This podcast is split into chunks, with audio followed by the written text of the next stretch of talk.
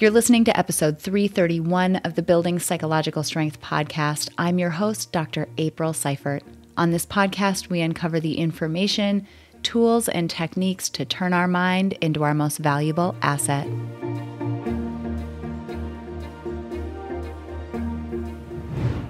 Hey everyone, welcome back to this second episode of season six of the podcast. Welcome back to this second episode of the year 2022. And I have some news. My oldest daughter tested positive for COVID this morning. We're pretty sure she got it from school. It's going pretty crazy in her school right now. And so here we are. Hello from quarantine. And it's funny because that test came in this morning, and I was previous to that planning on recording this exact episode, but now it feels even more necessary. I mean, selfishly, I need this episode. But because COVID is so crazy right now, and because many of us are still in the position of working from home, I really hope this episode lands well with you as well. I hope it's something that benefits you as well. Today, we are talking about designing your work from home life. So, we're going to use some life design. We're going to think through some of the factors that are challenging for us when we're working from home, especially exclusively, as I will be for the next, oh man, at least two weeks. We'll see how it goes. But there are some things that we can do to make this experience go a bit more smoothly and feel more aligned. And so that's what I want to talk about on today's episode. One quick update or one quick thing to note I'm going to be talking about some resources, tips, things that I like uh, in terms of just the way that I organize my work from home life. And so there's maybe a lot more links in this episode description than there typically are in a normal episode. I put them in there just in case you're curious about any of these products. These are things that I use or maybe resources on the web that I go to. Um, so I just linked them up there just in case they are useful. If not, whatever, you don't have to click on them. But if you are interested, they're in there to make it easy. And last, I want to issue a little challenge. One of my goals in 2022 is to increase the number of reviews that the podcast has. So, I have a little deal for you. The first three people to review the podcast after this episode comes out will get a free 30 minute intensive life design session with me. All you have to do is leave a rating and a review on the podcast, take a screenshot of it, and send it to info at peakmindpsychology.com. I'll link that below in the episode description as well. So write me a rating and a review, take a screenshot of it, send it to info at peakmindpsychology.com. And if you are one of the first three people to do so, you'll get a free 30 minute intensive life design session with me. So excited. Okay, let's get into this episode.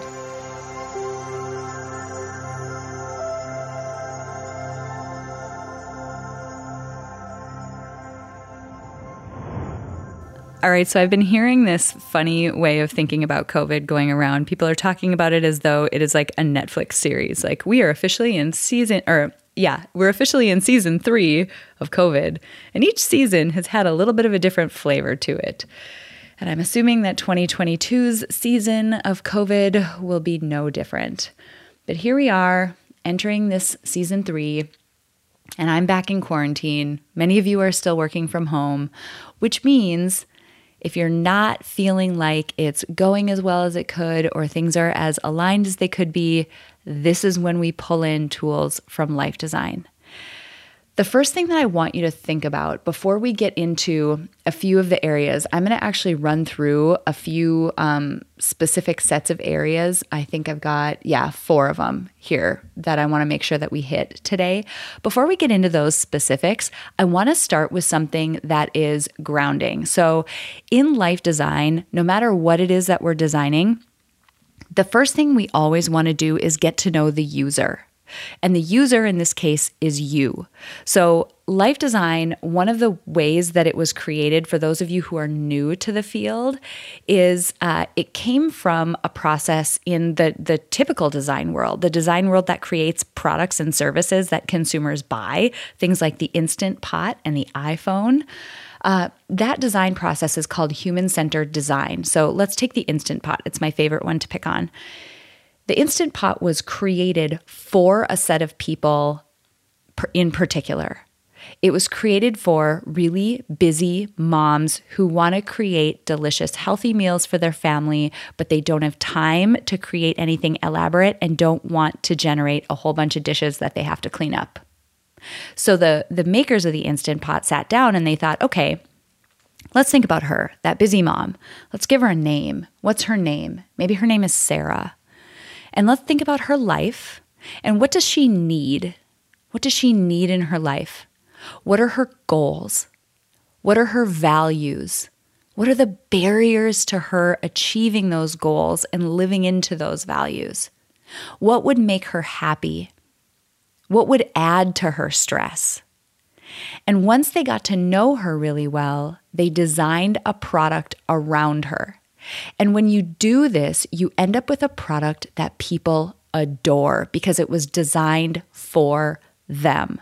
So there is a reason why there are blogs and blogs out there about instant pots and instant pot recipes. It's because people adore the product because it was designed for them. But in your life, it's actually much more simple.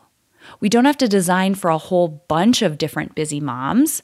In this case, we don't have a whole bunch of users. We have one. It's you. You are the main user of your life, and it's you who we need to get to know. So, in this initial step, the thing I want you to think about is in your work from home life, what's important to you?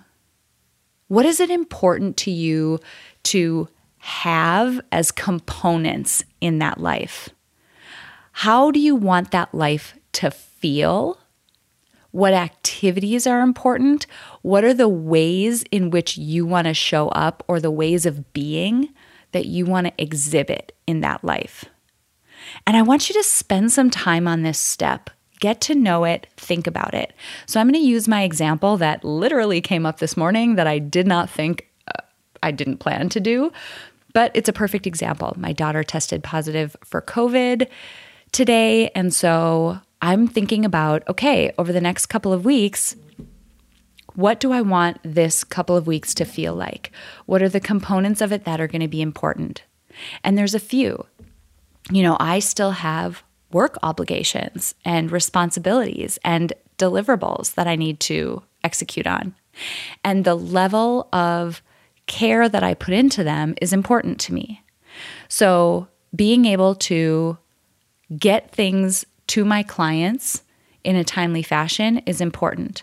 That doesn't mean it's the same timely fashion as it would have been before, but it does mean that I might need to do some communicating and working with my clients because they are important to me. Simultaneously, it's important to me that my daughter stays engaged with her schoolwork. She's actually basically asymptomatic. So she's feeling great. So, we're going to spend some time. And one of the things, one of the core things that's important to me during this time period is spending some dedicated time with her on her schoolwork. Is it going to be the same amount that she got before? Nope, definitely not. But am I going to make an effort to make some of that happen? You bet. Additionally, a little bit of spaciousness and a little bit of self care is important to me making sure that my basic needs are met and that I have a little bit of space to myself, even if it's just a few moments.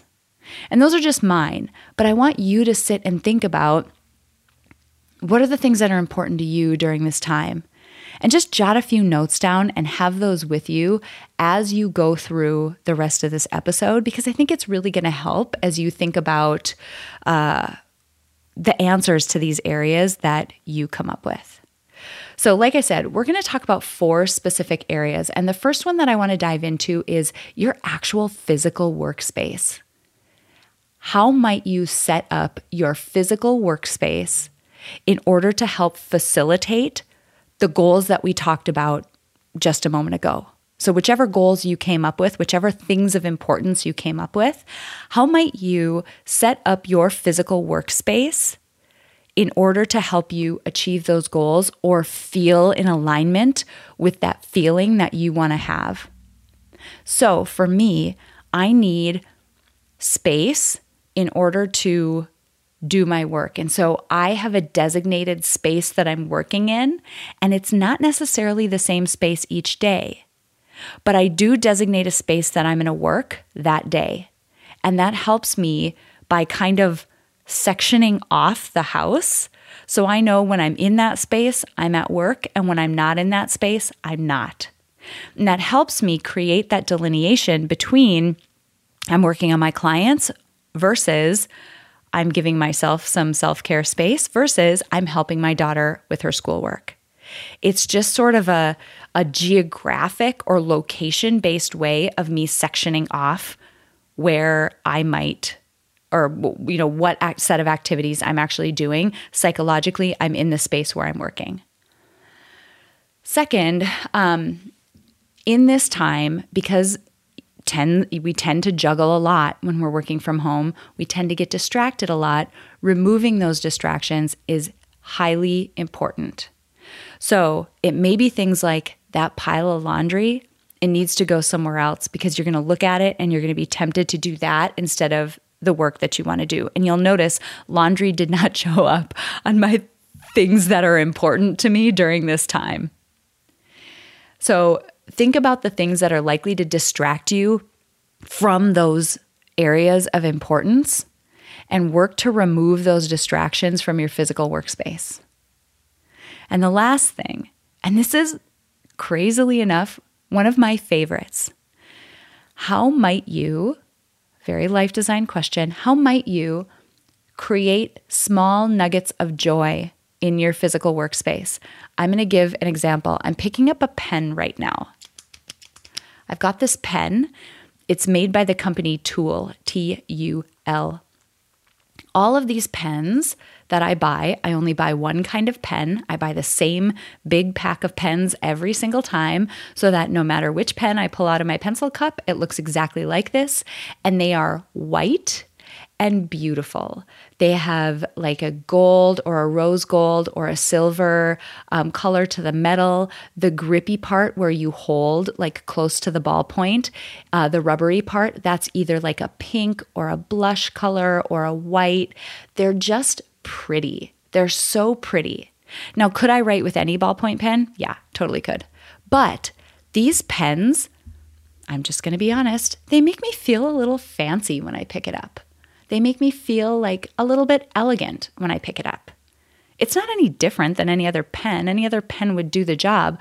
But going back to what's important to me, having like elements of self care and elements that are just for me in my day, that's important. And a small element like this, where I'm grabbing a pen two dozen times a day, it's just an element of like, oh, that's really nice. And a bunch of, oh, that's really nices add up to a really nice day. So think about small nuggets of joy that you might add to your workspace that could just create a slight elevation in your experience so that if you have to be there, if you have to be working from home, if you have to juggle things, give yourself just that little bit of like, oh, that's really nice. How might you create that in your physical workspace? Okay, so that was setting up your physical workspace. And these are just examples that I came up with that are helpful for me, but ask yourself the life design question of how might I set up my workspace in order to help facilitate the goals that I have, point me in the direction of the things that are important during this time, and point me away from the things that are just not important. That might be distracting. Okay, second one creating boundaries in your day. How easy is it now that we're working from home to have work bleeding over into family time, family bleeding into work time, leisure becomes almost non-existent because we it's just so easy to pop back into work. Part of the reason why I designate a space to work each day is because of this. So that physical location boundary, that really helps. But there's some other pieces, and these are more like temporal or ways of marking time in your day in order to help you out. So, one example figure out what your beginning and end time to your day is and stick to it, even if it's hard. Even if you're caught up in something, you know how on your iPhone you can set a bedtime reminder? So I actually uh, go to bed at 10 every night. I get up at 5 in the morning. I have kids. I need time to myself in the morning. I'll talk about that in just a minute. But I go to bed at 10 every night. And so at 9:15 my phone says, "Hello, it's time to go to bed. It's time to start winding down. You got to you got to make this happen."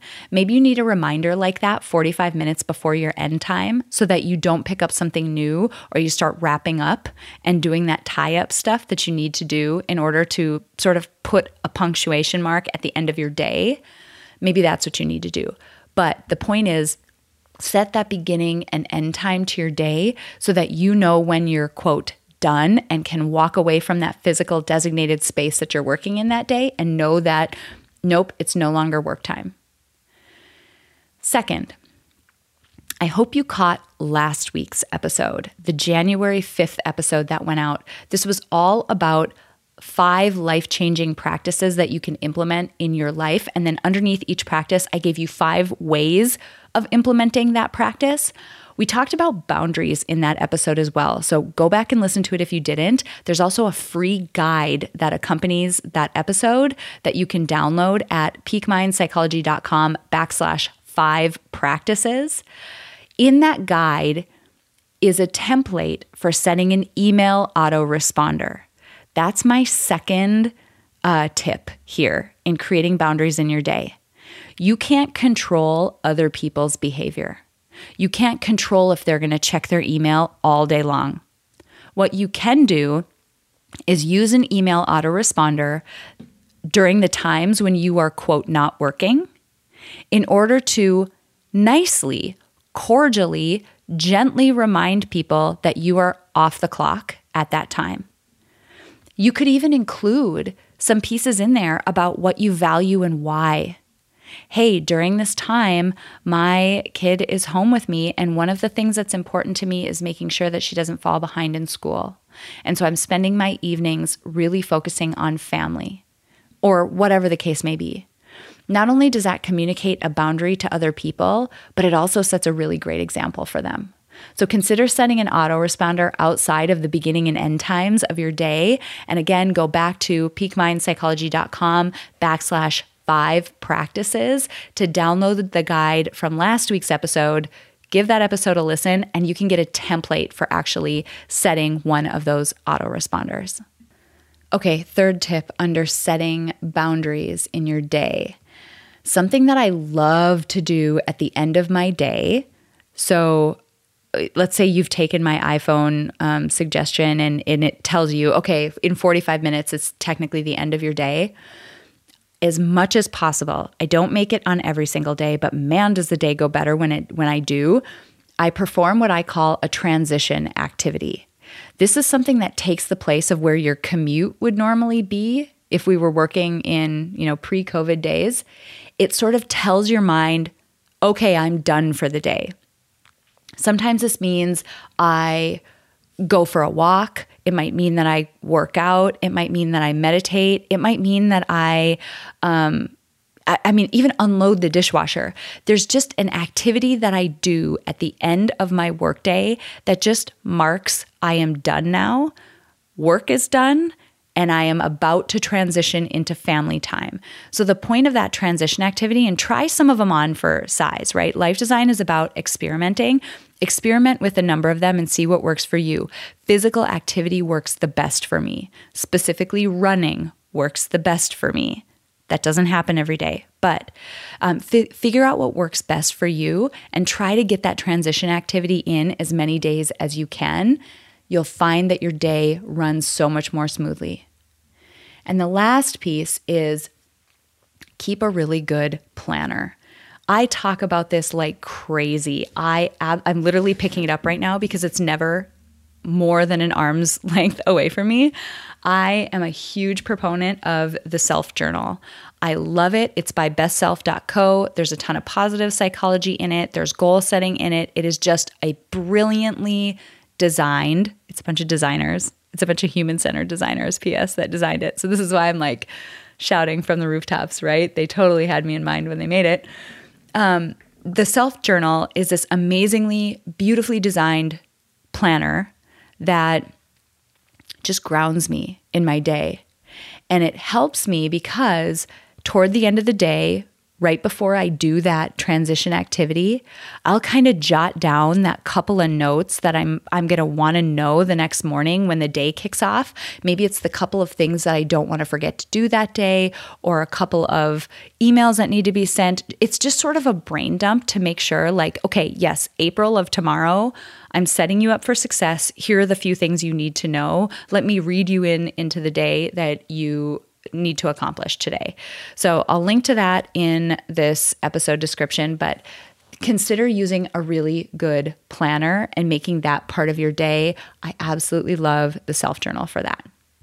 All right, so those were my tips around creating boundaries in your day. Again, those are just my tips, but be a designer. Go back to the things that are important to you for this time period as you're working from home and think about how you might create boundaries in your day to help facilitate the things that are important to you. Okay, I want to hit one. Uh, the third thing that I want to hit is actually something that I don't think we ever expected to experience, but I'm hearing about it more and more from people as we're on Zoom and just virtual meetings for so much of our day. I'm talking about Zoom fatigue. It can be exhausting to be on camera for that many hours of the day. And there's a few reasons why. So, one, one of the things that I've heard from people is that seeing their own face can present a lot of issues. So, you know, on Zoom, you can kind of see your own face as you're talking. And what I've heard from some people is that, oh my God, that's just distracting. From other people, I've heard, I just feel like self critical. I'm watching myself and how I talk, and I'm starting to judge myself and my appearance. That critical nature, that inner voice that just kind of tears us down, gets really loud after I've been staring at myself for so long. Did you know that you can actually hide your own face from the meeting? You don't have to look at yourself. You can keep your, your camera on if you want to keep it on so that other people can see you, but you don't actually have to look at yourself. So I'm going to link to something in this episode description that shows you how you can hide your own face from your Zoom meeting if you don't want to look at yourself. If you find that you get self-critical or it just sort of you know bums you out or you just get tired from it or distracted, just hide your face. You don't have to look at yourself. So I'll link to that in the episode description. Second one, um, if you're, especially if you're a leader, so this is for the Peak Mind Pro folks who are listening to this. If you're a leader on a team, set expectations with your team about when they can turn video off. They're some of the best. So, in, in, my day job, I'm a consultant. I work with a lot of larger companies. I see a lot of teams. And um, this is in data science. So, I'm not consulting them about how their teams function, but I get to see a lot of the nuances of how teams function. And some of the best ones just have the expectation that you can just turn your camera off. No one says anything. No one bats an eye like, oh, oh, it looks like Julie turned her camera off. No one says a word. It just happens. It's just something you have to do moment to moment, once in a while, or even for the whole meeting. No one says a thing. So if you're a leader, consider making that the culture of your team. Consider setting expectations that no, you can just turn your Zoom camera off if you're just feeling fatigued that, that day. That small gesture, it'll be amazing at what that does for the morale of your team. And the last one is one that you can sometimes control. You can't always control it. Consider changing your meetings to be 45 minutes instead of 60. I bet you can get done in 45 minutes what used to take you 60. Especially if you challenge yourself to get done in 45 minutes and you have to be efficient with your time and stay on task. And what do you do with that extra 15 minutes? You get up and you move. You build in a break. You build in 15 minutes to zone out, to read something that doesn't have to do with work, to do a little bit of yoga, to go for a quick walk, to get something to eat, to refill your water, to take care of yourself. We're going to get to that in a minute. But consider setting your meetings to 45 minutes just to give yourself that periodic 15 minutes to regroup. Last, the last uh, fourth area that I want to hit. It's so easy in these situations where we're working from home and we're back to back and we're on these Zoom meetings and everything's bleeding together. The first thing to go is us taking care of ourselves. That's why, way at the beginning of the episode, when I talked about what's important to me, one of the non negotiables is that I still take care of me during this time. This is a great example of one of, you know, during those times when it gets really busy and things get crazy, the first thing to go is self care. But when things are busy and crazy, that's when you need it more than ever. I'm just not, I'm just not doing that anymore. I'm not letting that go by the wayside. I'm not a robot. I'm a human being. I need to be taken care of. I need basic needs met in order for me to do my best during the day. And I'm do- I'm done judging myself because I didn't show up as perfectly as I wanted to because I was hungry and hadn't had a glass of water or a break or just a pause all day long. That's unreasonable. And so I'm done judging myself for that and I'm also done making myself continue on when those needs have not been met. So, self care is the fourth thing that I want to hit. And the first thing is, and this goes back to last week's episode on January 5th. I talked about this there as well. So, again, go back to that episode, but schedule your basic needs. I'm going to call out two in particular. Schedule your lunch, like actually physically put it on your calendar so your calendar is blocked. Block your lunch so that you eat and block some rest time. We hear a lot of uh, focus and a lot of chatter about sleep, and sleep is important. Don't get me wrong, sleep is extremely important. But rest is different than sleep. We are not made to be completely immersed in an activity nonstop for eight hours a day. We don't function well that way. We need a break. We need to disengage once in a while. So build that into your schedule every 60 to 90 minutes. Or if you're following the 45 minute tip, do it the last 15 minutes of every 60 minute meeting or every 60 minute time period because you're only meeting for 45 of it. But schedule in lunch, schedule in rest. The second piece have a big bottle of water near you. I notice a difference in my day if I have water next to me and I'm just absentmindedly drinking it all day long, the amount of water that goes into my system and how different I feel by the end of the day, it's weird that I don't get that tension headache. Huh, that's strange.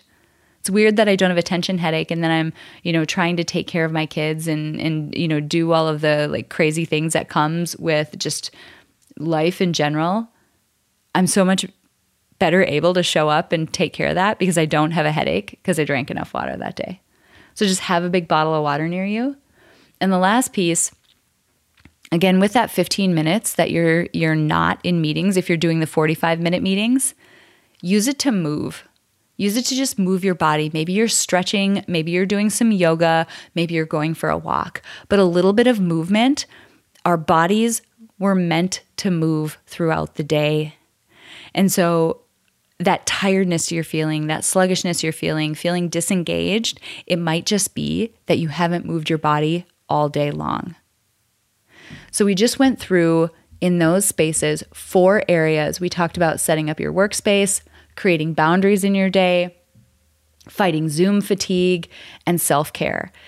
And the point is not like just do just go blindly do the things that I told you. The point is think like a designer. Experiment, go back to the first exercise we did around getting to know you and what your values are and what's important to you, and think how might I achieve each of these four areas in a way that is helping me achieve my goals and in alignment with what's important to me. Also, think outside of the four areas that I just gave you. Are there other areas that you need to work on and use the same process? Get to know yourself and what's important to you and ask the question, How might I? Then go experiment and tweak along the way. That's all life design is. It's getting to know you, asking yourself, how might I? So you can generate some options and then experimenting with them. That's the whole thing. So, we just talked about a lot of stuff. Um, I want to wrap up with just a few more um, materials for you, a few ways that you can kind of take it an offshoot from this episode. So I'll be back in just a second with just a few more resources before we close out this week.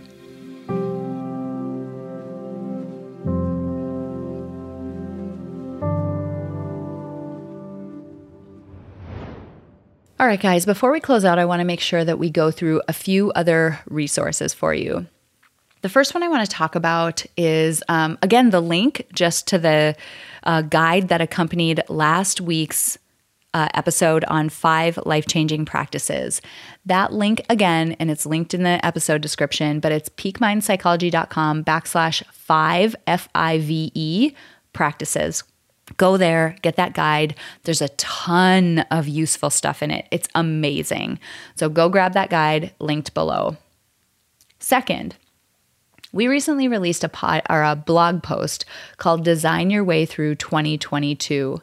And if you're new to life design, I want you to go check out that post because it does a really good job of giving you a good overview of what life design is, especially from the perspective that we approach it at Peak Mind.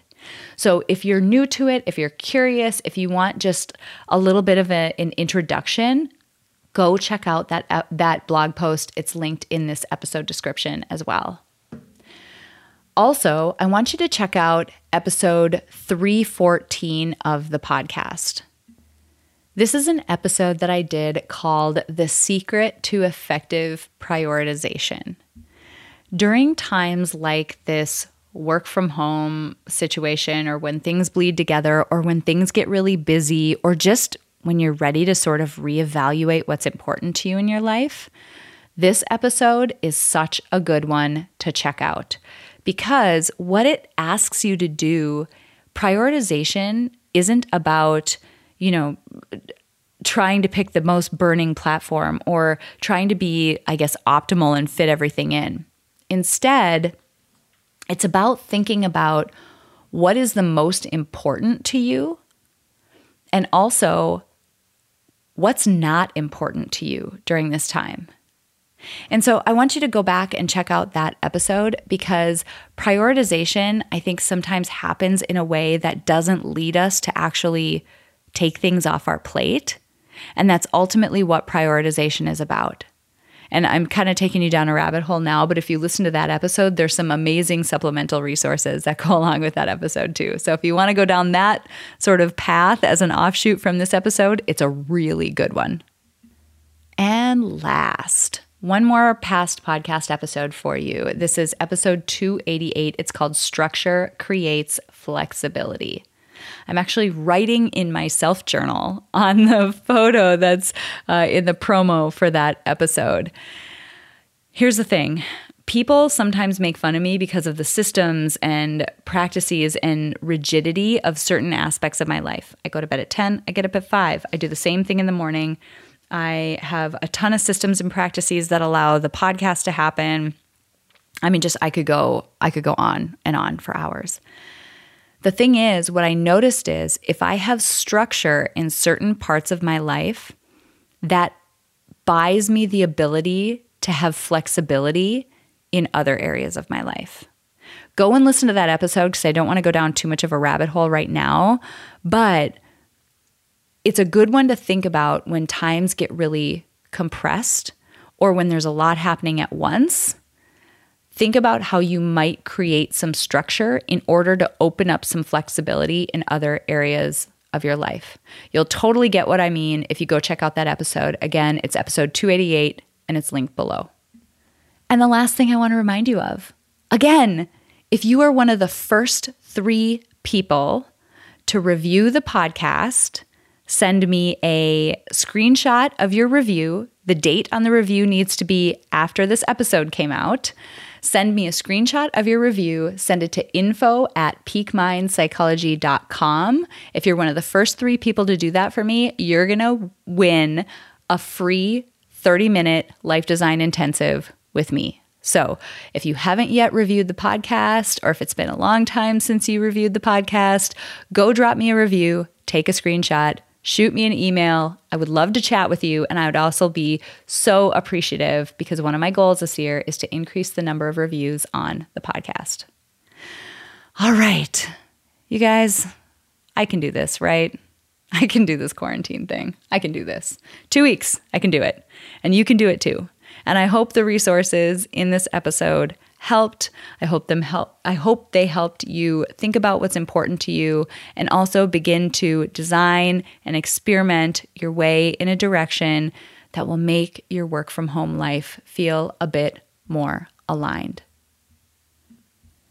And finally, let's remember that time is the most non renewable resource on the planet. And I'm so grateful to each and every one of you who chose to spend some of your precious time with me today.